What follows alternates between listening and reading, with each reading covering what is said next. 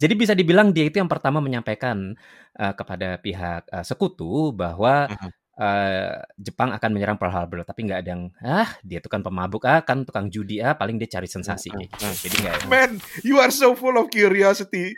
Gak heran lo memilih Yuval Noah Harari. Ya itu, pengen meresapi, apa sih sebetulnya, gimana sih Jadi rasanya, jadi gitu. meresapi kehidupan warga setempat ya. Ini dalam Eh perjalanan mau melempar jumroh, Mas, udah bawa Heeh. batu segala rupa gitu, jalan ngenge. Aku masih itu udah kelihatan nih jumrah di depan.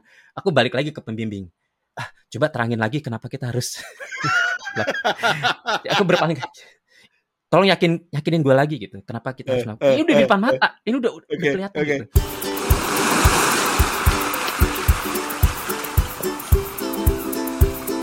Teman-teman, kita ketemu lagi di segmen terdampar dari podcast Kepo Buku di mana kami akan mendamparkan siapa pun yang mau didamparkan itu nanti.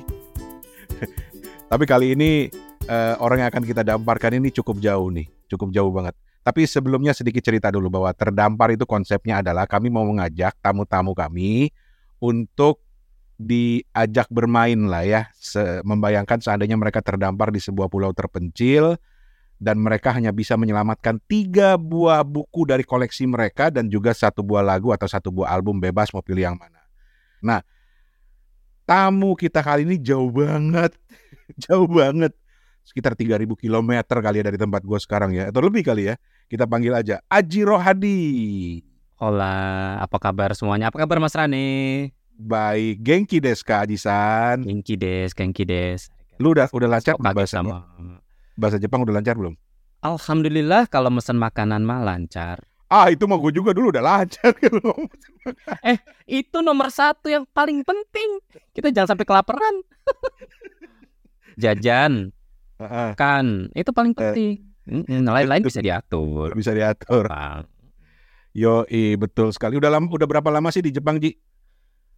Uh, satu dekade. Serius? Eh, nggak kerasa ya? Emang udah udah satu dekade? Iya.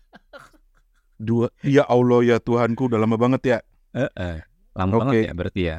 Hmm. Dan eh, gua sama Aji ini dulu pernah eh, kerja di kantor yang sama dan dia Pernah masih kuliah. betah di sana. Persa pernah kuliah di tempat yang sama, pernah kerja di negara di dua negara yang sama. Iya. Ya. Mas Rane senior ya, buat catatan semuanya. Mas Rane senior aku beberapa tahun di atas. Biarlah ya penonton yang menilai karena ini kan pakai video nanti Ji. Mas Rane masuk masuk di media yang di negara tetangga itu, kemudian beberapa tahun kemudian aku ikut masuk. Mas Rane pindah ke Jepang, aku juga ikut ke Jepang beberapa tahun kemudian. Iya. Gue balik ke Jakarta, lu kenapa nggak ikut balik? Nyangkut. Gimana dok? Oke. Lu meskipun meskipun di Jepang masih sempat baca buku dong. Baca baca baca buku. Beli- Meskipun. Beli Beli bukunya buku dari mana? beli bukunya promosi ya berarti ya dari Kindle. Oh, Kindle. Jadi waktu di negara tetangga itu ya, em, aku Oh. kan juga koleksi buku kan, banyak banget gitu buku tebel-tebel gitu kan, dan aku merasa aduh sayang bisa baca, simpen taruh taruh lama-lama banyak kan, Hmm. nggak masalah sih waktu waktu masih tinggal di sana. Terus waktu mau pindah ke Jepang, aku tuh baru berasa ini buku mau diapain mau? Aku kan tanya quotation, ngirimnya berapa? Hah mahal amat gitu. Terus karena mayoritas bukunya bahasa Inggris ya, aku bisa sumbangkan ke perpustakaan setempat. Tapi setelah itu aku jadi mikir gitu ya. em, Oke, ternyata buku-buku ini nggak akan aku baca dua tiga kali. Mungkin cuman ada satu buku yang akan aku baca lagi. Gitu. Iya, iya, iya, iya. Yang lain tuh nggak ada karena ada ada buku lain lagi, ada buku lain lagi gitu kan. Terus mikir ya udah sih, udah ada Kindle gitu. Memang beda rasanya ngebalik halaman buku ya eh, sama Ya. baca buku elektronik gitu. Tapi ya aku mikirnya dari segi kepraktisan sih gitu. Em, dan di dalam satu gawai itu isinya bisa banyak. Jadi kalau bosen yang buku ini ganti deh gitu lagi males gitu. Hmm, kalau kalau nggak kan harus bawa beberapa edisi gitu. Capek. I feel you Aji. Gue waktu di Tokyo mau balik, eh, hitung-hitungan bawa buku gue ya itu tujuh puluh lima ribu. Minimal. minimal tujuh puluh lima ribu akhirnya ya udahlah gue pilih yang bagus-bagus yang lain itu gue jadikan ebook gue scan Mm-mm. oke Aji lo akan kita damparkan di sebuah sebuah pulau terpencil katakanlah pulau itu namanya pulau kepo buku aja lah ya Mm-mm. Eh, lo bisa menyelamatkan tiga buah buku yang menjadi bagian dari koleksi lo gitu. Nah, Hmm. udah itu nanti bonusnya kita juga akan bisa berikan lo satu buah lagu atau satu buah album sekalian kalau lo mau gitu ya Oke. dari sekian banyak koleksi lo yang udah dibagiin ke Hmm. teman-teman di CD itu gitu. Nah, Hmm. kita akan mulai dengan buku yang pertama, Aji. Sebetulnya sulit ya. Ini pilihan semua orang pasti bingung gitu kan. Mana sih? Ya, ya iyalah waktu kita mau pindah rumah aja kan mikir, aduh yang mana yang aku selamatin, mana yang aku bawa, mana yang aku kirim ke Jakarta gitu kan, mana yang aku donasikan. Itu seleksinya susah banget. Cuman aku akan ngomong sesuai dengan kondisi aku saat ini ya gitu ya. Oke. Eh, yang mana selera aku udah berubah, kehidupan aku juga berubah sesuai tahun ke tahun gitu kan. Kondisi sekarang lah gitu ya. Mungkin lima tahun lalu beda, lima tahun ke depan mungkin beda gitu. Eh, aku jadi mikir kalau emang cuma bisa tiga, aku akan mikir yang beda-beda. Jadi nggak semuanya hiburan. Oke. Jadi aku suka baca buku buku yang hiburan, fiksi. Eh, bagaimanapun fiksi kan menghibur tuh bikin tenang, bikin happy gitu ya, bikin lupa masalah segala rupa kayak kita pindah ke dunia lain gitu kan ya. Eh, untuk hiburan aku akan pilih buku ini. Ini Oke, sebentar. Estoril. Estoril. Estoril itu buku apa itu? Estoril ini adalah eh, nama eh, Hotel Palazzo Estoril. Just outside Lisbon in a refuge for spies, princess, pilots, and chess grandmasters. Jadi ini ceritanya eh, hotel di eh, Lisbon di Portugal. Oke. Nah, ini hotel mewah lah gitu. Jadi ceritanya ini latar belakangnya kayak zaman tahun uh, Perang Dunia Pertama atau awal Perang Dunia Kedua gitu. Novel ya, novel ya. Novel. Oke. ya? Oke. Novel hiburan. Nah, ini kan em, tahun itu kan ya eh, banyak yang melarikan diri dari negara-negara yang berperang dan Portugal waktu itu eh, netral gitu. Jadi Hmm. negara tujuan eh, ideal gitu ya untuk untuk mm, menyelamatkan diri terutama orang-orang yang kaya ini kan ngapain gue Ya, ya, gitu ya. kan ya. Ah. Pedagang permata lah gitu. Tapi mungkin orang tuanya nggak bisa kabur, tapi paling nggak anaknya dikirim ke sana gitu dengan uang yang sangat banyak gitu ya, dititipin ke pengelola hotel. Hotel ini juga termasuk kasino gitu, ada kasinonya gitu kan. Jadi yang datang ke situ ya pangeran pangeran atau royalty dari mana-mana gitu ya. Terus juga ada eh, pejabat-pejabat, ada juga Hmm. tentunya mata-mata. Di mana-mana mata-mata kan pasti ada ya gitu menyamar jadi Iya. siapa dan bagaimana gitu Iya. kan ya. Em, Oke, pengarangnya nggak bilang ini kisah nyata, tapi aku bisa mengambil kesimpulan dan ini kok kayak banyak benernya dari Kayaknya kita ini. nyata gitu. Kayaknya kisah nyata gitu. Mesti bilang oh enggak ini fiksi dia selalu bilang ini fiksi, tapi itu kisah nyata gitu. Dan aku cek misalnya kayak bener nggak sih Prince of Wales eh, yang waktu itu adalah itu loh si raja Inggris yang akhirnya dia turun karena dia mau menikahi janda dari Amerika ya kan? Waktu dia masih pacaran sama si janda ini dia sempat ke sana cuma ditolak karena di buku ini ya bilangnya fiksi ya, tapi itu fiksi Hmm. katanya. Pa- tapi kalau aku cari-cari itu ceritanya emang bener dia pernah ke sana dan ditolak. Ditolak check in di situ bayangin dong gitu kan eh, putra mahkota Inggris ditolak karena on, urusan politik. Jadi jadi buku ini sebenarnya eh, eh, apa eh, premis ceritanya itu di seputar tamu-tamu di hotel itu Yes. gitu ya. Yes, yes, yes, yes. Oh, Yang kejadian pada saat bersamaan gitu. Jadi mereka bagaimana mereka ketemu dan saling berpengaruh dan apa efeknya satu sama lain gitu. Eh, Oke. Bagaimana orang-orang ada yang melarikan diri eh, dari eh, penjajahan, misalnya melarikan diri dari perang gitu, dan orang yang berbeda paham, akhirnya ketemu di situ dan mereka bagaimana harus bersatu gitu. Dan ada juga cerita tentang mata-mata yang dari beberapa apa ya double spice atau multiple spice, nggak cuman dari satu negara tapi dia double atau multiple sebetulnya gitu. Dan dia ini cerita, ini belum yang paling menarik ya, dia cerita bahwa karena dia tuh gini loh, karena dia tuh mata-mata tapi dia kredibilitasnya nggak dianggap. Jadi dia mendapatkan info bahwa Jepang akan menyerang Pearl Harbor, tapi nggak ada yang nganggap informasinya dia benar. Oke. Jadi bisa dibilang dia itu yang pertama menyampaikan uh, kepada pihak uh, sekutu bahwa Mhm. uh, Jepang akan menyerang Pearl Harbor, tapi nggak ada yang ah dia tuh kan pemabuk ah kan tukang judi ah paling dia cari sensasi kayak gitu. Ah, Jadi nggak hmm. nggak ada yang nganggap dia. Dan kejadian kan akhirnya Jepang nyerang Pearl Harbor gitu kan ya. Gitu. Terus ada juga cerita bahwa Ian Fleming nginep di situ. Ian Fleming. Jadi itu disebut namanya Ian Fleming gitu ya. Oke, wah keren banget. Jadi oke. katanya ini eh Estoril ini ini adalah eh, apa namanya premis dari filmnya James Bond Casino Royale. Ini ada kasino di sini. Oke. Ini buku hiburan, isi enteng banget bacanya. Dan ceritanya tuh sangat menarik, bukan apa ya, bukan yang berat dibaca. Dibaca sambil minum kopi, dibaca sambil tidur-tiduran, enteng banget, keren. enteng banget. Tapi ah kok banyak benernya ya. Dan aku jadi belajar banyak. Ada tokoh-tokoh lain nggak yang kari selain tadi putra mahkota Inggris? Ada. Hmm, Ya, pedagang ya, ya, permata, hidup- anaknya. Mereka hidup pada era-era yang sama kan? Iya, iya, iya. Jadi ketemu di suatu periode yang sama gitu. Sekitar Perang Dunia Pertama, sebelum per- sekitar Perang Dunia Kedua gitu. Hmm, hmm. kan uh, Jepang nyerang Pearl Harbor itu kan kira-kira akhirnya awal dari Perang Dunia Kedua ya gitu kan penyebabnya gitu kan akhirnya kan. Yap. Jadi sekitar periode itu gitu dan bahwa ada si anak pedagang permata ini yang dititipin dari kecil sampai gede gitu. Terus aku juga baru tahu oh ya zaman dulu tuh um, minum alkohol tuh champagne gitu ya. Ya orang kaya biasa aja meskipun dia masih 12 tahun gitu. Hmm, hmm, hmm. Sekarang kan harus 8 17 18 tahun gitu kan baru boleh minum Yap, alkohol gitu kan ya Yap.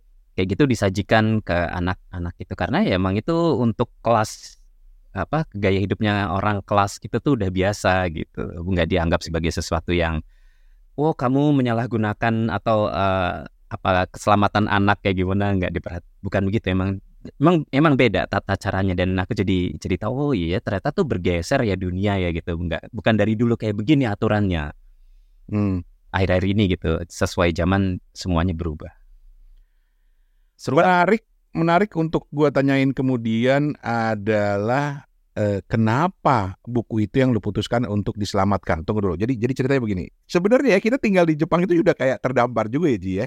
Ketika iya menyelamatkan buku-buku yang aduh yang mana yang gue bawa karena bawa semuanya pasti mahal banget kan. Mhm. Tapi oke, dalam konteks terdampar di pulau yang lu boleh cuma menyelamatkan tiga buku, kenapa salah satunya buku Estoril ini? Karena aku tadi bilang kan ada kalau kita cuma milih tiga, aku akan milih satu yang hiburan, satu yang benar-benar ilmu pengetahuan, satu yang mungkin mas uh, untuk rohani, tapi ya dan nilainya juga. Oke. Untuk hiburan ini duluan, karena menurut aku selain hiburan, em, ceritanya relevan dengan tokoh-tokoh yang aku sukain, James Bond misalnya, Oke. atau Lisbon, aku suka banget dengan kota Lisbon dengan Portugal, gitu. liburan. Eh, happy lah waktu aku jalan-jalan ke Lisbon itu kayak buk- di luar harapan gitu kok kotanya dan lingkungannya semua kayak bersahabat gitu. Aku senang banget. Dan, dan, dan, dan lu gak nyari hotel Estorilnya? waktu aku ke sana belum nemu buku ini. Setelah aku balik ke Jepang baru.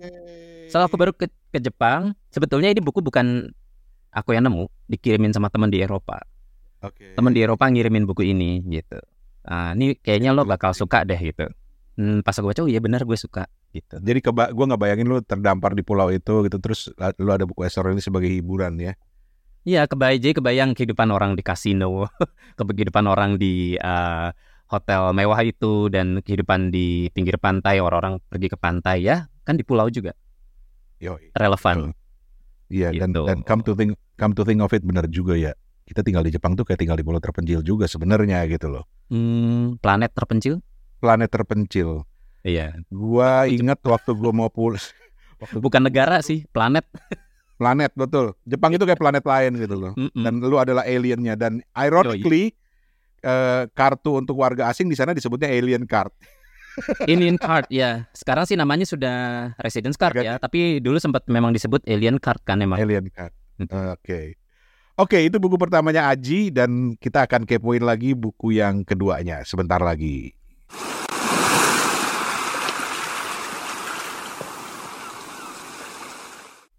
Oke, itu tadi Aji dengan bukunya Estoril tadi. Eh, tadi belum disebut siapa pengarangnya Ji. Oh iya, pengarangnya adalah Dejan Tiago Stankovic. Dejan Tiago Stan Dejan Tiago Stankovic. Oke, Estoril. Kayaknya perlu dicari tuh. Bagus juga Hmm. kayaknya. Hmm. Sekarang kita mulai dengan eh, buku yang kedua yang akan lu selamatkan di pulau yang terpencil ini, Aji. Yes, ngomong-ngomong menjelajah dunia, jadi Mhm. gue tuh selalu punya pertanyaan Mas Rani. Kenapa eh, kenapa orang Eropa menjajah dunia? Kenapa orang Eropa menguasai dunia pada awal pada awal pada awal zaman modern ini ya, gitu ya. Oke, oke. Maksudnya kan gini ya, kebudayaan Cina itu usianya ribuan tahun ya. Dan Hmm. Cina menemukan uh, bahan peledak ya kalau nggak salah ya. Hmm. Dan banyak yang uh, ditemukan oleh um, uh, kebudayaan Cina itu ya, yang yang Oke. dihasilkan kebudayaan Cina itu mungkin mungkin dari makanan, mungkin dari um, uh, apa namanya kayak kertas gitu ya. Mungkin banyak sekali hal yang dihasilkan ditemukan oleh Cina gitu. Tapi kenapa misalnya Belanda negara kecil menjaj- jajahan tuh di mana-mana di seluruh dunia gitu ya. Negara kecil padahal dia punya misalnya dia menjajah uh, Indonesia gitu misalkan gede banget gitu nggak seimbang. Kenapa bukan Indonesia dijajah Cina misalnya? Ah, enggak. Teori gitu, teori aja. Atau mungkin Indonesia dijajah India gitu misalnya. Negara Oke. gede juga dan lebih dekat gitu kan ya. Oke. Atau mungkin uh, yang jaya itu misalnya um, Ottoman, kekaisaran Ottoman kan meluas ke mana-mana kan ya, nggak nyampe ke Indonesia gitu kan ya. Uh, mas- nah jadi aku tuh banyak mikir gitu, kenapa sih orang Eropa itu tuh uh, bisa dibilang menguasai dunia secara global, menjajah lah, for the lack of word gitu ya, Hmm. Hmm, pada zaman awal modern ini gitu. Uh, buku yang aku lagi baca sekarang ini mem- memberikan jawabannya, yaitu Oh. keingintahuan. Bukunya Baik. adalah pasti masalahnya pernah tahu Sapiens, Sejarah Ringkas Umat Manusia, Oke, A Brief History of Humankind, tulisan dari Yuval Noah Harari. Yuval Noah Harari. Ya, Brief History of Humankind. Oh. Jadi em, sejarah manusia panjang dari zaman dulu ya manusia Iya, iya, makanya itu kan ceritanya dari awal banget kan gitu kan. da- banget dan ini ini yang yang brief history ya gitu ya jadi eh, apa namanya sangat di, di- dipadatkan sama dia tapi diambil sari-sarinya gitu kan Hmm, hmm. mulai dari zaman awal akhirnya bagaimana dan eh, yang menarik jadi dari buku ini jadi aku tahu kan bahwa misalnya kayak eh, Australia itu adalah salah satu benua yang paling kaya secara flora fauna tapi begitu manusia modern mendarat di sana Hmm. manusia manusia manusia modern aka Eropa orang Eropa uh, flora faunanya langsung drop karena manusia ya langsung cari makan langsung mengubah ekosistem yang tanpa disadari waktu ya zaman dulu kan nggak sadar ya gitu ya Hmm. Uh, manusia hanya mikir aku nyampe di lahan yang baru mari aku mari kita bertahan di sini gitu kan mari kita Ya, kembangkan tanpa sadar bahwa itu berakibat buruk terhadap lingkungannya gitu loh. Hmm. Belajar banyak dari situ. Nah, terus ya itu tadi eh, akhirnya terjawab pertanyaan eh, keingintahuan aku gitu. Kenapa sih eh, orang Eropa itu eh, lebih jaya secara eh, menjelajah dunia karena mereka memang ingin tahu gitu. Eh, kapitalisme ternyata memang lebih awal diserap di Australia dibanding misalnya kerajaan Majapahit gitu kali ya. Hmm, Mungkin hmm, kalau hmm. kerajaan Majapahit lebih banyak untuk ayo kita sejahtera bersama gitu. Ayo kita mungkin supaya kita maju bersama gitu. Bukannya untuk menjajah, bukannya untuk eh, mencari kekayaan gitu mungkin bukan Yap. gitu. Tapi kalau Yap. kalau orang eh, Eropa yang dulu sumber dayanya terbatas, mereka pengen tahu. Mereka dengan tegas menyatakan aku nggak tahu apa sih yang ada di ujung sana, apa sih yang ada di seberang san di seberang samudra itu gitu. Ah, mereka Oke. dengan tegas menyatakan itu dan mereka yuk kita usaha yuk ah, kita cari yuk gitu. Sementara kalau ah, orang yang lain udah yang penting kita membangun bersama misalnya kayak gitu ya udah. Kepuasannya mungkin situ nah dan gitu. Dan ah, memang sih awal awal kenapa aku punya pertanyaan ini adalah wak- waktu dulu aku ah, suka backpacking ya. Zaman masih lebih muda gitu. Ah, jalan-jalan hanya dengan satu ransel gitu kan terus Yap, akhirnya yap. kita kan ketemu kan Ingat, ngobrol. ketinggalan di kereta kan ranselnya. itu di Tokyo eh di Osaka Oke. Eh, eh, ngobrol kan sesama sesama pengelana gini kan dari negara-negara lain gitu kan eh, dari dari benua-benua lain gitu terus bera- emang kelihatan yang eh, orang Asia itu ah aku libur cuman sebentar mau pulang lagi mau sekolah ah mau pulang mau ah, mau kuliah mau mau bela- Hmm, mau hmm. kerja Hmm. kayak aku gitu kan eh, baru punya duit waktu zaman kerja kan zaman kuliah belum punya duit buat jalan-jalan Hmm. oh aku cuman oh aku liburan agak panjang nih dua minggu. Habis ini aku harus balik uh, kerja. Kamu liburan berapa lama? Oh tiga bulan. Kamu berapa lama? Oh aku lagi ngambil break satu tahun. Sabbatical.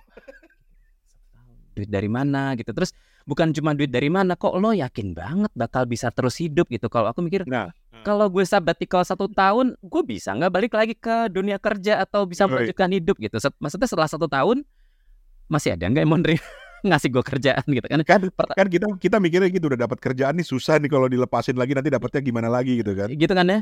Nah Eh. kalau eh, jadi eh, keingintahuan mereka tuh lebih kuat mengalahkan eh, eh meng- apa memba- membuat mereka berani mengambil resiko. Aku mikirnya gitu gitu. Hmm, Eh, kok berani banget ya gitu. Dan kalau orang Asia yang aku temuin itu eh ini generalisasi ya tentu satu dua ada yang berbeda. Ya, ya. generalisasi yang Asia Timur itu lebih em, berani menjelajah atau lebih eh, punya pengetahuan daripada yang Asia Tenggara misalnya jadi yang orang Jepang orang Cina orang Korea itu lebih berani menjelajah dibandingkan orang-orang dari Indonesia gitu misalnya Eh, ini dari pengalaman aku sendiri ya, dan ini penga- pengamatan secara umum. Tentunya ada satu dua golongan yang yang berbeda dari yang lain, gitu.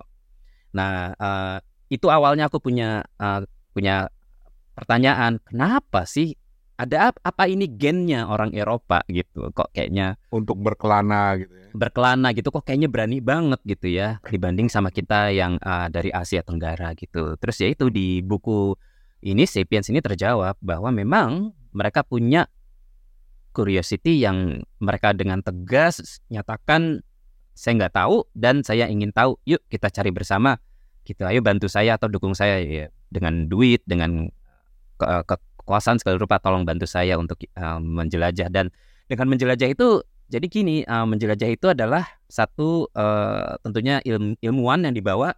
Tapi kan ilmuwan nggak bisa kucuk-kucuk jalan sendiri harus naik perahu kan? Eh perahu Iya, kapal ya. iya. Nah, kapal kan tentunya ada kapten kapal yang bertindak secara uh, kapital ya kan ya secara kon consumerism gitu kan ya dan atau mu- malah mungkin karena zaman dulu harus dari yang angkatan laut gitu. Karena kan nggak tahu medan yang harus jelajah gimana jadi ngambil yang berpengalaman. Dan kapalnya mungkin juga kapalnya punya angkatan laut dari negara tersebut gitu kan ya. Hmm. dan artinya juga artinya juga dengan dukungan atau um, restu dari uh, raja ratunya gitu kan ya. Nah jadi kan misi ilmiahnya nggak bisa cuma murni ilmiah harus karena segi pendukungnya ini ada kepentingan politik ekonomi ya kan ingin Ya, memperluas kekuasaan ingin berdagang ingin makin kaya kayak gitu. Sementara ilmuannya ya saya hanya ingin meneliti jarak matahari dari bumi itu berapa gitu misalnya. Tapi kita ngirim misi ke ujung-ujung dunia gitu. Tapi ya kamu ngirim misi ke ujung dunia kan harus didukung sama segerombolan orang ini segerombolan orang ini siapa yang ngebiayain? Yang ngebiayain raja. Ya raja kan ada kepentingan juga gitu kan. Ya gitu. Nah eh, si buku ini yang menjawab pertanyaan aku gitu sebagian Oke. Tapi Ji, kalau diinget-inget ya Ji, di antara kita eh, pertemanan dulu ya, eh, mau di Singapura mau di Tokyo, lu termasuk yang agak-agak beda sih. agak Lu- nekat ya Lu lu lu nafsu traveling lu lebih tinggi dari kita. kalau gua nafsu traveling gua kan, aduh, kalau misalnya gua ke Eropa tiketnya berapa kali tiga mana gua sama bini gua. Atau kalaupun sendiri gua akan mikir, ya Allah nanti baliknya gua nggak ada tabungan lagi gitu. Sementara lu tuh kayaknya udah ke mana ke Lisbon aja udah gitu kan. Hmm. Eh, eh, eh, eh, apa mungkin ini eh, yang membuat lu mikir ah eh, eh, apa Nova apa relevan dengan bukunya novel Yu- novel Harari ini? Em, iya juga sih, iya juga. Jadi eh, Estoril tadi itu ada kaitannya dengan jalan-jalan ya. Yes. Dunia ya fan, dunia yang yang ingin aku jelajahi. Ya. Si Sapiens ini juga menjawab pertanyaan aku tentang menjelajahi Oke. dunia gitu. Eh, jadi jalan-jalan aku itu pertama tentunya karena liburan eh, ingin bersenang-senang satu alasannya. Tapi yang tidak kalah pentingnya adalah aku juga pengen tahu kayak apa sih sebetulnya yang dibilang orang-orang itu. Aku baca, aku lihat di internet foto-fotonya, dengar ceritanya. Tapi pengen ngerasain langsung kayak apa sih gitu. Hmm. Kata orang di Sydney itu begini. Oh, mosok sih gitu. Oh, kata, kata orang di di Paris itu begini. Oh, mosok sih gitu. Aku pengen pengen lihat gitu, pengen tahu. Eh, pertama kali pertama kali nyampe Paris yang aku pengen lihat adalah Eiffel Tower gitu. Orang nggak tahu nyarinya apa. Aku pengen Eiffel Tower. Aku pengen megang. Pengen megang. Megang ya, megang ya, bukan berfoto yang kayak begini. Gitu. Enggak, enggak, enggak. Hmm, enggak. Sama sekali nggak. Aku kepengen megang Megang Oh. Eiffel ini gitu. Oh ini. Oh cuma gini doang nih besi doang. Oh cuma gini. Eh, ini benar kamu tarik itu dan begitu sampai atas. Oh semuanya abu-abu. Kok bagusan dari Monas ya pemandangan atasnya. Pemandangan- eh itu itu jujur dari aku kayak begitu gitu komentar aku dari Monas tuh dari atas ada hijau, ada coklat, ada merah gitu. Ini semua abu-abu. Se- se- Sejak kapan sih nafsu traveling lo itu muncul? Sejak sejak Sejak kecil oh, lagi. Oke dari kecil karena sebetulnya dari kecil aku suka baca pernah denger nggak Intisari yang kayak Astaga, bacaan di Intisari. Kalau Iya Intisari kan? ya, di Intisari di kalangan anak-anak sekarang tuh artinya udah lain, Ji. Tapi oke, kita kita refer ke, ke Intisari zaman kita, Ji. Eh, kita lagi. Oke, terus Am- terus terus. ya gitu kan. Di Intisari itu selain dari dia ngebahas mengenai macam-macam ya, bukan mengenai satu topik aja. Salah satu salah satu kolomnya adalah mengenai jalan-jalan, ingat nggak? Oke. Iya, itu itu salah satu inspirasi aku. Oh, kayak begitu ya jalan-jalan ya. Seru juga kayaknya. Aku pengen ngerasain sendiri gitu. Eh, itu mungkin yang pertama nanam ide di kepala aku gitu ya. Hmm. Dan selalu jadi eh, selalu jadi keingintahuan eh, seperti apa sih eh, kehidupan di sana gitu. Dan aku tuh kalau jalan-jalan aku tuh nggak kepengen yang touch and go, touch and go misalnya. Hmm. Oh di Tokyo satu hari, Osaka satu hari, di eh, Kyoto satu hari, terus pulang. Aku nggak kepengen gitu. Aku kepengen di satu tempat duduk lama, terus menyerap, menghirup udaranya, ngerasain atmosfernya, ngobrol sama orang-orangnya, nggak buru-buru. Jadi, oh kayak gini tuh rasanya untuk satu periode singkat. Singkat itu mungkin lima hari gitu ya. Ya karena nggak punya nggak punya waktu yang sangat banyak atau modal yang sangat banyak. Tapi aku kepengennya gitu lima hari, lima hari, lima hari gitu. Soalnya kalau dua hari, ya ini cuma kayak udah foto bye bye, udah foto bye bye gitu. Lu, bukan- lu bukan turis sih, Ji. artis. seniman ya kayaknya ya gue. Jiwanya seniman, pengen menyelami, menyelami arti. Dan, eh, eh, setelah membaca Yuval Noah Harari ini apa lu, lu sem- semakin kayak wah makin banyak nih tempat yang mau gue explore atau gimana? makin pengen tahu sih jadinya mas gitu. Ehm, makin pengen tahu dan ada sebagian yang terjawab tapi kan jadinya keingintahuan semakin terpicu gitu ya. Iya. Ah, dan aku semakin sadar bahwa aku nggak ada nilainya. Aku itu cuma buntelan buntelan udara kosong doang gitu. Nggak ada nggak ada isinya nih gue ini sebetulnya bukan apa-apa gitu semakin belajar tuh semakin sadar gitu dan semakin kebuka dan aku semakin kayak mikir ya udah sih hidup tuh senang-senang aja lo nggak usah ngapain maksa-maksain gagasan lo gitu kalau orang menerima gagasan lo ya syukur kalau nggak bisa ya kita masih bisa berteman gitu yang penting jangan Ya. berantem aku sih sukanya gitu. Gue tuh gue tuh lebih muda dari Aji sih. Ya. Maksudnya ngomong kebalikan sih. Tapi ya udah sih gue gue gue melihat Aji ini orangnya lebih lebih lebih curious, lebih lebih banyak tertarik pada hal-hal baru gitu ya, suka challenge kayak gue ingat kita pernah ingat gak lo kita lu waktu itu ke Jepang masih berstatus turis gitu ya. Mhm, kita jalan-jalan ke Kamakura gitu. Mhm. gue cuma nunjukin Ji ini patung budanya Ji. Ini tempat Mhm. makannya Ji di sini. Sementara Mhm. lu. Hang on mas. Hang on mas. Hang on mas. Hang on mas. Gue mau Mhm. ke sana dulu. Atau ketika kita jalan-jalan ke mana waktu itu ya? Vietnam atau ke mana waktu masih di Singapura itu? Oh Thailand. Thailand. Thailand eh sementara kita ke kuil ke kuil besar gitu ya. Gue tuh cuma melihat keindahan motret-motret ngobrol sama temen gitu. Terus Aji mana Aji? Katanya Aji lagi ikut keliling di kuil lagi di gini. Man you are so full of curiosity. Gak heran lo milih Yuval Noah Harari. Ya itu pengen meresapi apa sih sebetulnya? Gimana Jadi- sih rasanya jadi gitu. meresapi kehidupan warga setempat ya. Anyway, teman-teman kepo buku eh, bisa kelihatan kan kenapa pertanyaan-pertanyaan ini kita bikin dalam konteks terdampar karena rasanya jadi banyak keluar lebih banyak ceritanya gitu bukan hanya tentang Mm-mm. bukunya tapi background dari buku itu seorang Mm. Aji yang seorang eh, petualang, Cie, Aji sang petualang, ya enggak lah seniman Aji- seniman Aji yang suka jalan-jalan ke sana kemari itu jadi Mm-mm. jadi curious juga setelah melihat-lihat gitu dan eh, hence bukunya Yuval Noah Harari. Nah, tapi buku yang ketiga apa nih menarik? Ada yang mau taruhan nggak kira-kira buku ketiga apa? Kita balik sebentar lagi.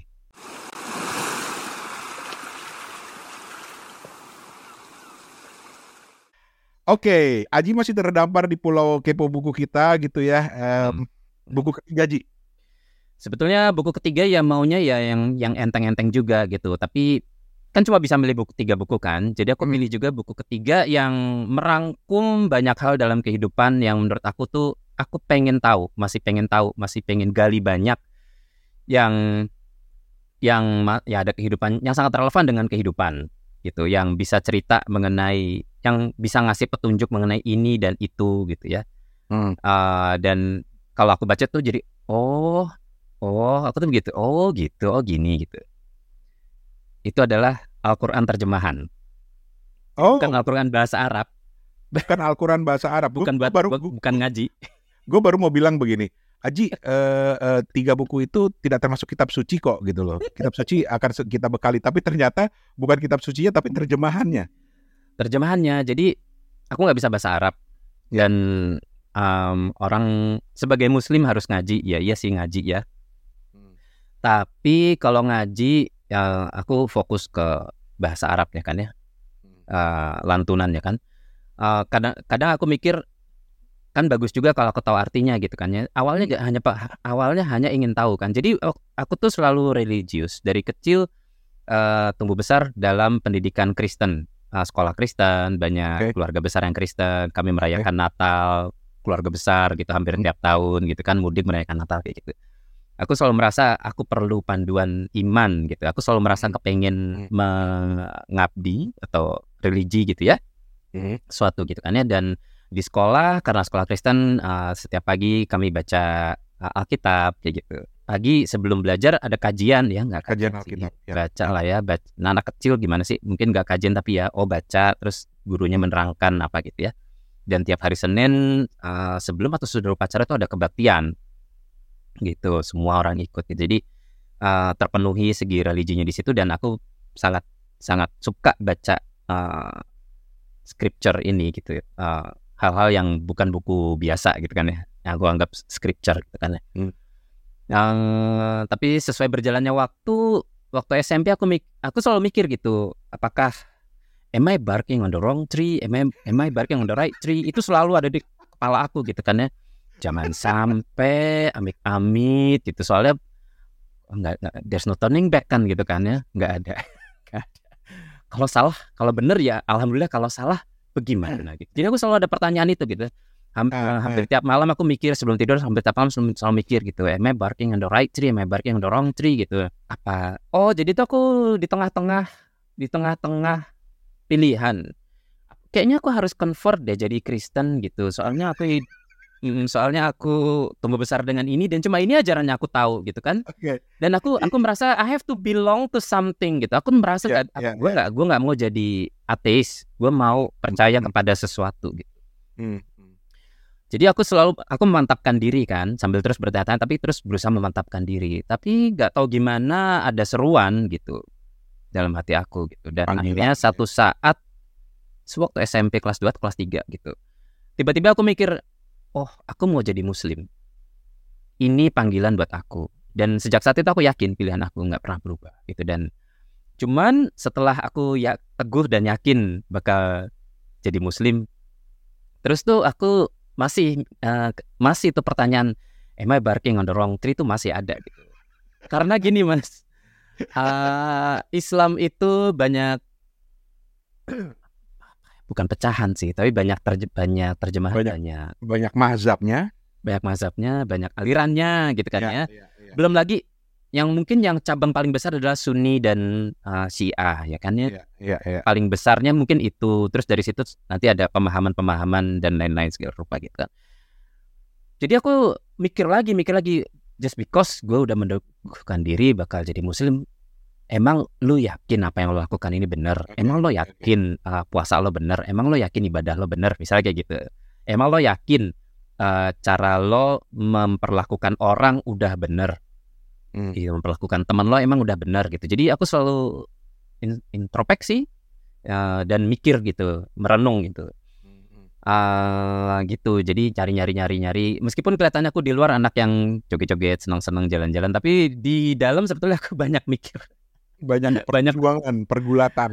pergulatan hati dan otak gitu. Otak Hmm. bilangnya begini, hati bilangnya begini itu ba- banyak banget hatinya ke sini, otaknya ke sini tuh banyak banget, sering sering banget. Sampai sekarang pun, tapi makin makin makin hari makin makin reconcile gitu ya. Kalau dulu mungkin semuanya cabangnya banyak, sekarang makin makin ke sini makin makin nyatu gitu uh, otak sama hati aku. Um, jadi itu juga. Jadi aku belajar oh sebetulnya Muslim tuh begini, oh sebetulnya Islam tuh begini, oh sejarahnya begini, kenapa orang begini gitu. Bahkan aku juga nggak mau bulat-bulat menelan uh, ajaran gitu. Misalnya kan ada aku ada kesempatan uh, pergi ke tanah suci ya. Hmm. Ini dalam perjalanan mau melempar jumroh mas, udah bawa hmm. batu segala rupa gitu jalan ini. Aku masih itu udah kelihatan nih jumroh di depan. Aku balik lagi ke pembimbing. Coba terangin lagi kenapa kita harus. aku berpaling. Tolong yakin yakinin gue lagi gitu. Kenapa kita harus? Eh, ini di eh, depan mata. Ini udah, udah kelihatan. Okay. Uh, ini jadi otak yang curious yang selalu pengen tahu itu selalu meminta selalu meminta uh, selalu meminta alasan pembenaran selalu meminta keyakinan gitu. Okay. Tolong yakinkan gue bahwa apa yang gue lakukan ini adalah benar. Oke okay, oke. Okay. Gitu. Gitu. Jadi uh, bahkan sampai ini ekstrim kan padahal kan udah udah jauh-jauh ke sana udah udah ibadah ibadah segala rupa lu masih mempertanyakan jadi aku juga mikir eh emangnya gue meragukan ya tapi sebetulnya bukan meragukan tapi memastikan Ya. Bahwa apa yang aku lakukan itu adalah benar. Gitu. Hmm. Wah, uh, at least at least lu masih masih masih masih bertanya di. Gitu. Hmm. Itu buat gue menarik sih. Dan dan re relevansinya dengan buku Al-Qur'an terjemahan tadi gimana? Karena banyak menggali lebih banyak lagi gitu. Iya, jadi ternyata tuh uh, banyak banget ya. Jadi ya, jadi memang benar jadi setelah aku baca sendiri ini nggak bisa nggak bisa orang lain anggap omongan aku ini ben, uh, seperti setiap orang beda-beda kan? setiap orang beda-beda ya hmm. tapi setelah aku baca aku jadi mikir oh iya ya memang Al-Quran itu adalah manualnya hidup. Karena dijelasin kayak gitu. Oh iya ya ternyata memang nggak mungkin Nabi itu berbohong. Ngosok Nabi yang nggak sekolahan uh, buta huruf bisa menulis kayak begini udah bisa uh, cerita tentang uh, istilahnya apa ya teknologi terbaru lah. Yeah, ya yeah, yeah. kayak gitu yang ya kita baru tahu di zaman modern ilmu-ilmu zaman modern. Hmm. kok bisa meramalkan hal ini akan terjadi gitu. Yep. kayak gitu. Um, gitu. Jadi dan aku jadi tahu misalnya ya ya apa ya ya ya banyak hal untuk bukan hanya un, mengenai bukan bukan bukan hanya untuk berperilaku untuk aku sendiri dan bagaimana untuk ber, bersikap tapi juga um, bagaimana uh, ber, berinteraksi dengan orang lain gitu berinteraksi dengan orang dari keyakinan lain ber, berinteraksi dengan semua orang gitu. jadi sikap jadi dan pandangan. pure panduan lah ya jadinya ya. Panduan. Jadi itu aku tuh selalu mikir hidup tuh jangan begini gitu. Jangan ketutup gini hidup tuh harus buka semua. Jangan dan apa gitu. dan apakah kau sudah menemukan jawaban atas pertanyaan-pertanyaanmu itu? Uh, di buku belum selesai. kan lo bawa itu. Belum selesai. In jadi progress. On in progress. progress. Jadi uh, terus terang aku kadang balik lagi kadang balik lagi kadang ulang lagi gitu. Kadang menemukan interpretasi baru juga ya? Persis persis. Yes. kadang-kadang jadi oh, oh oh oh jadi itu maksudnya begini? Oh iya aku paham. Dulu waktu pertama baca nggak paham. Pas dibaca ulang oh, oh relevan dengan kejadian sekarang gitu misalnya. Keren keren gitu. keren, keren, um, keren. ya jadi Nah itu juga kenapa aku mikir aku nggak kepengen hidup hanya di dalam Jakarta aja. Kalau aku hidup di Jakarta aku kepengen sering ke mana-mana. Karena aku mikir uh, kayaknya kalau gue di Jakarta gue akan Jakarta sentris. Jadi misalnya gini mas, uh, aku pernah lagi ada di Ambon ya, Ambon kalau nggak salah waktu itu. Hmm. Terus kita di mobil tuh ngedengerin RRI. RRI ya, ya berikutnya kita dengar laporan reporter kita mengenai kemacetan ya saudara saya uh, puncak sekarang mengalami kemacetan saya mikir gue di Ambon ngapain gue dengerin laporan kemacetan puncak gitu tapi terus dan gue mikir, akhirnya aku mikirkan nana kurun urut oh iya ya Indonesia itu Jakarta sentris. Orang-orang mikir yep. Jakarta. Orang yep. mikirnya yep. Jakarta Jakarta Jakarta. Padahal kan orang yang di Papua orang yang di Aceh beda keinginannya beda kepentingannya beda kebutuhannya gitu kan ya. Betul. Kok orang hanya mikirnya Jakarta sentris gitu. Jadi aku mikir kok, kok, kok cepet banget sih gue? Dan ini kebuka setelah gitu. Kok gue selama Jakarta sentris ya? gitu. Setelah aku mikir oh iya gue tuh harus harus lepasin ini gitu Uh, dan terus waktu pindah ke Singapura juga tuh kan uh, dunia nggak selebar daun kelor gitu.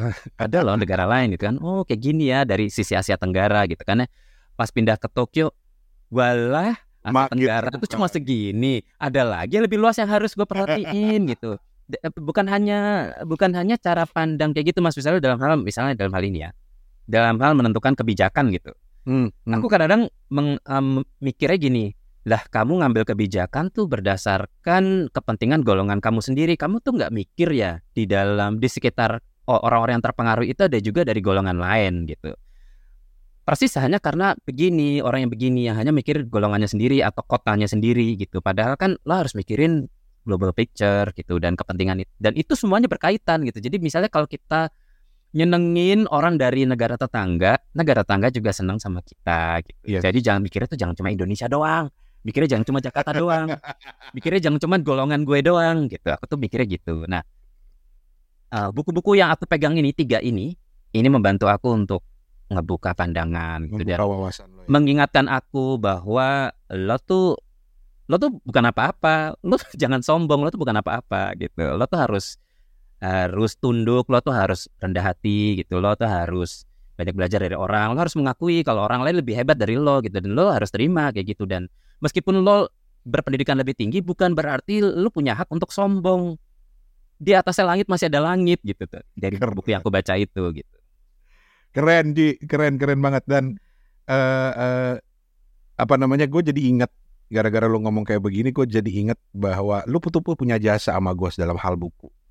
Hah? Lu sendiri mungkin nggak tahu, Enggak ingat. tapi salah satu buku yang buat gue paling berkesan dan kalau gue terdampar gue akan bawa buku itu adalah buku yang pernah lu baca waktu di Singapura. Hmm? Di Singapura. Nah, itu Gue ingat suatu hari lu lagi membaca buku di kok Aji nggak kerja malah asik baca buku. Terus bilang baca buku apa nih? Mas ini keren mas, lu harus beli. Gitu. Nggak nggak ingat lu ya? bukan Lonely Planet kan? No no no no no no no no no no no no no Lonely Planet no. Apa sih? Paulo Coelho di Alchemist. Oh, oh, Alchemist. Alchemist itu juara sih menurut aku ya juara. Juara kan? Itu makanya Juara dunia. gue gue jadi inget Aji, Aji cerita tadi gue jadi inget iya yang memperkenalkan gue pada The Alchemist tuh Aji dan itu sampai sekarang udah kayak ritual dari waktu ke waktu gue akan baca ulang baca ulang dan gue menemukan banyak interpretasi baru so Hmm, thank you for that Alchemist bagus banget. bagus banget aku nggak ngefans sama Paulo Coelho karena aku baca beberapa dua Ya, atau tiga ya, buku yes, setelahnya. yes, Nggak. Aku ngerasa kok hmm, enggak. Tapi Alchemist keren banget. keren banget ya keren banget Eh, pokoknya pokoknya seru dan dan menarik buku itu dan selalu eh, rajin gue baca bersama beberapa buku lain ya Yeay. yang yang sudah gue tapi bukan Lonely Planet oke nah Aji Aji pernah mewariskan gue buku Lonely Planet dan gue cuma ngeliat buku-bukunya oh, bagus ya oh iya bagus tapi gue nggak pernah ada keinginan untuk datang ke kota-kota ini Ingat gak waktu gue pertama datang ke Jepang sebagai turis ya waktu itu kan internet belum berkembang banget kita belum Iya, jalan-jalan pakai handphone kan ya.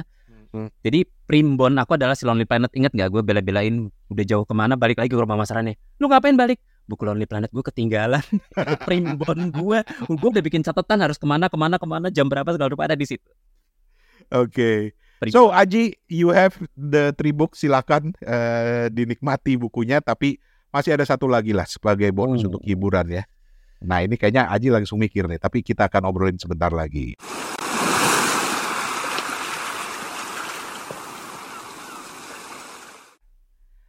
Dan kita kembali lagi di segmen terdampar kepo buku bersama teman baik saya Aji Rohadi, temen gue yang tinggal di Tokyo, Jepang, di Shinjuku tepatnya ya nih lu.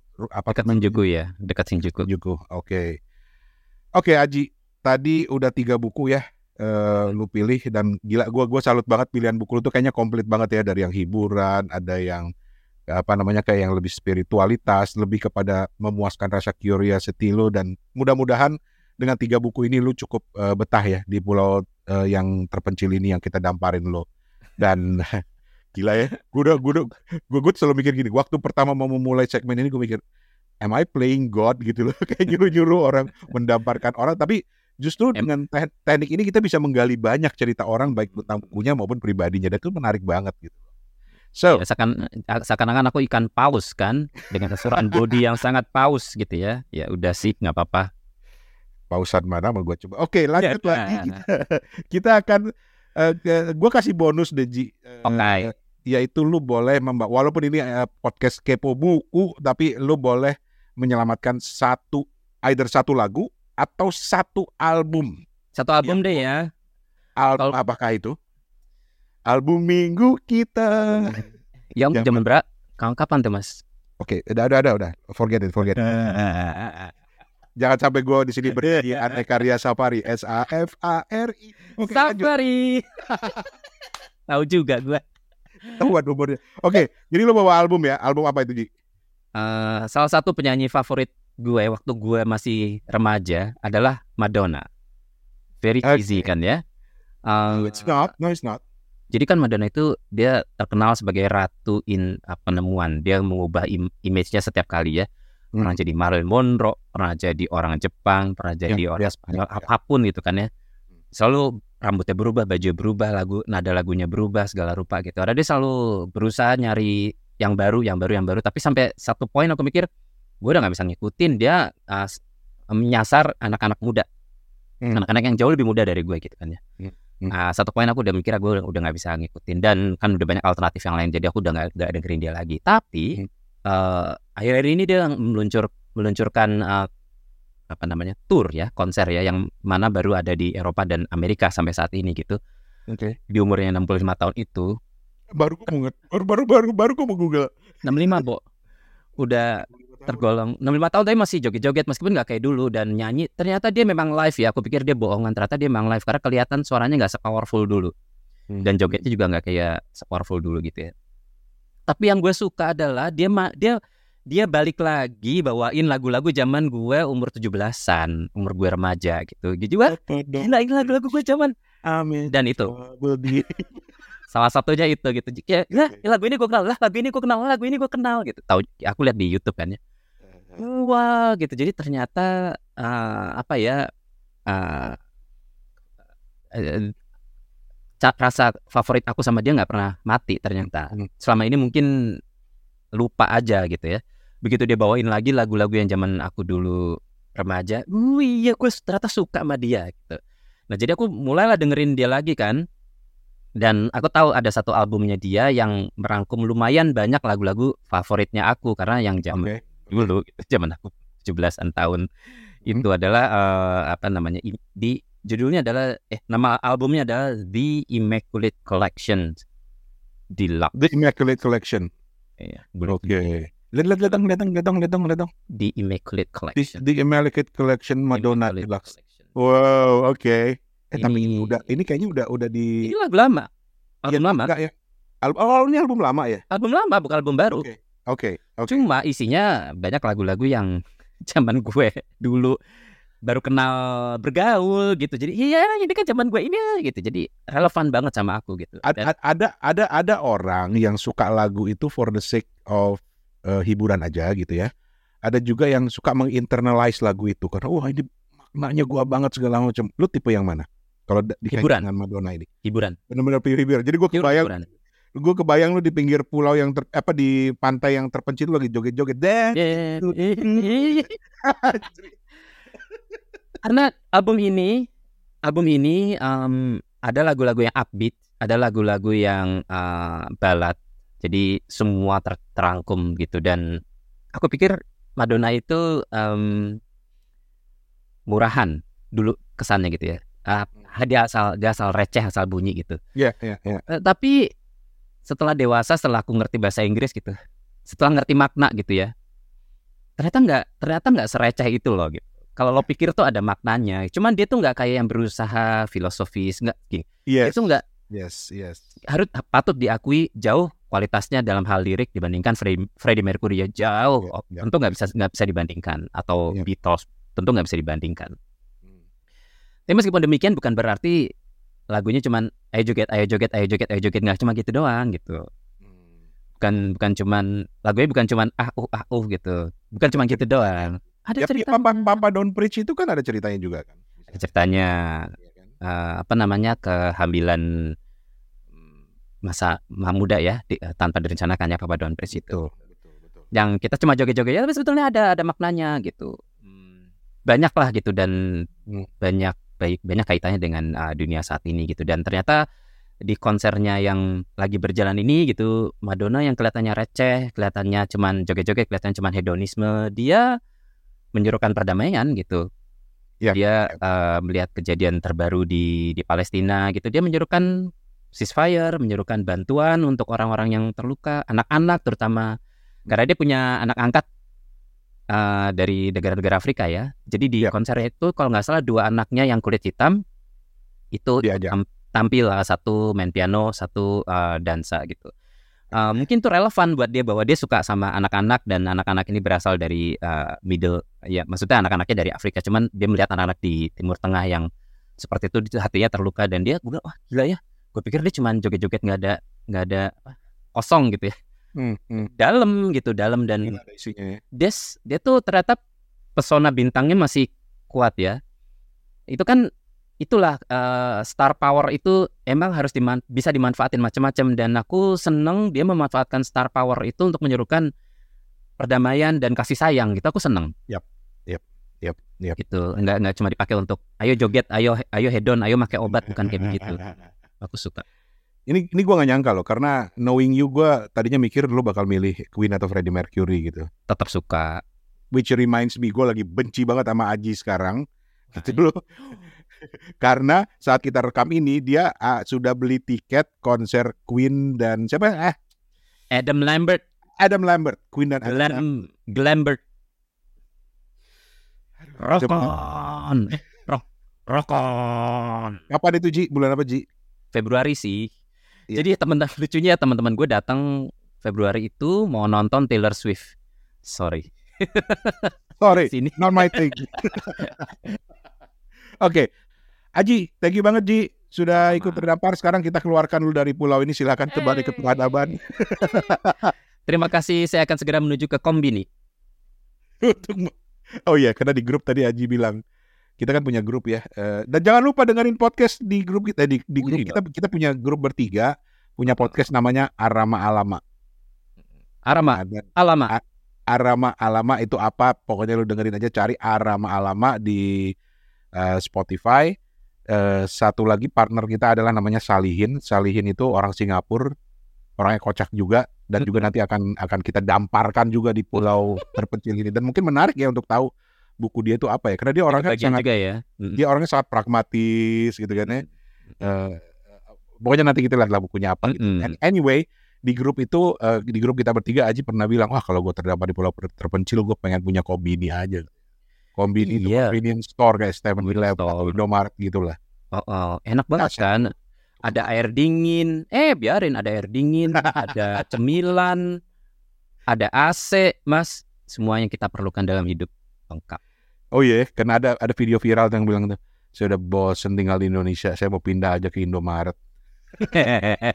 Karena di sana udah dingin, makanan semuanya ada. Ya Allah, Aji banget Kalau matahari lagi dua atau tiga, masuk kombini tuh adem. masuk ke kombini aja. Hati adem, otak adem. Betul. Kombini alias convenience store. Yes. Alright, Aji, terima kasih banyak, Ji.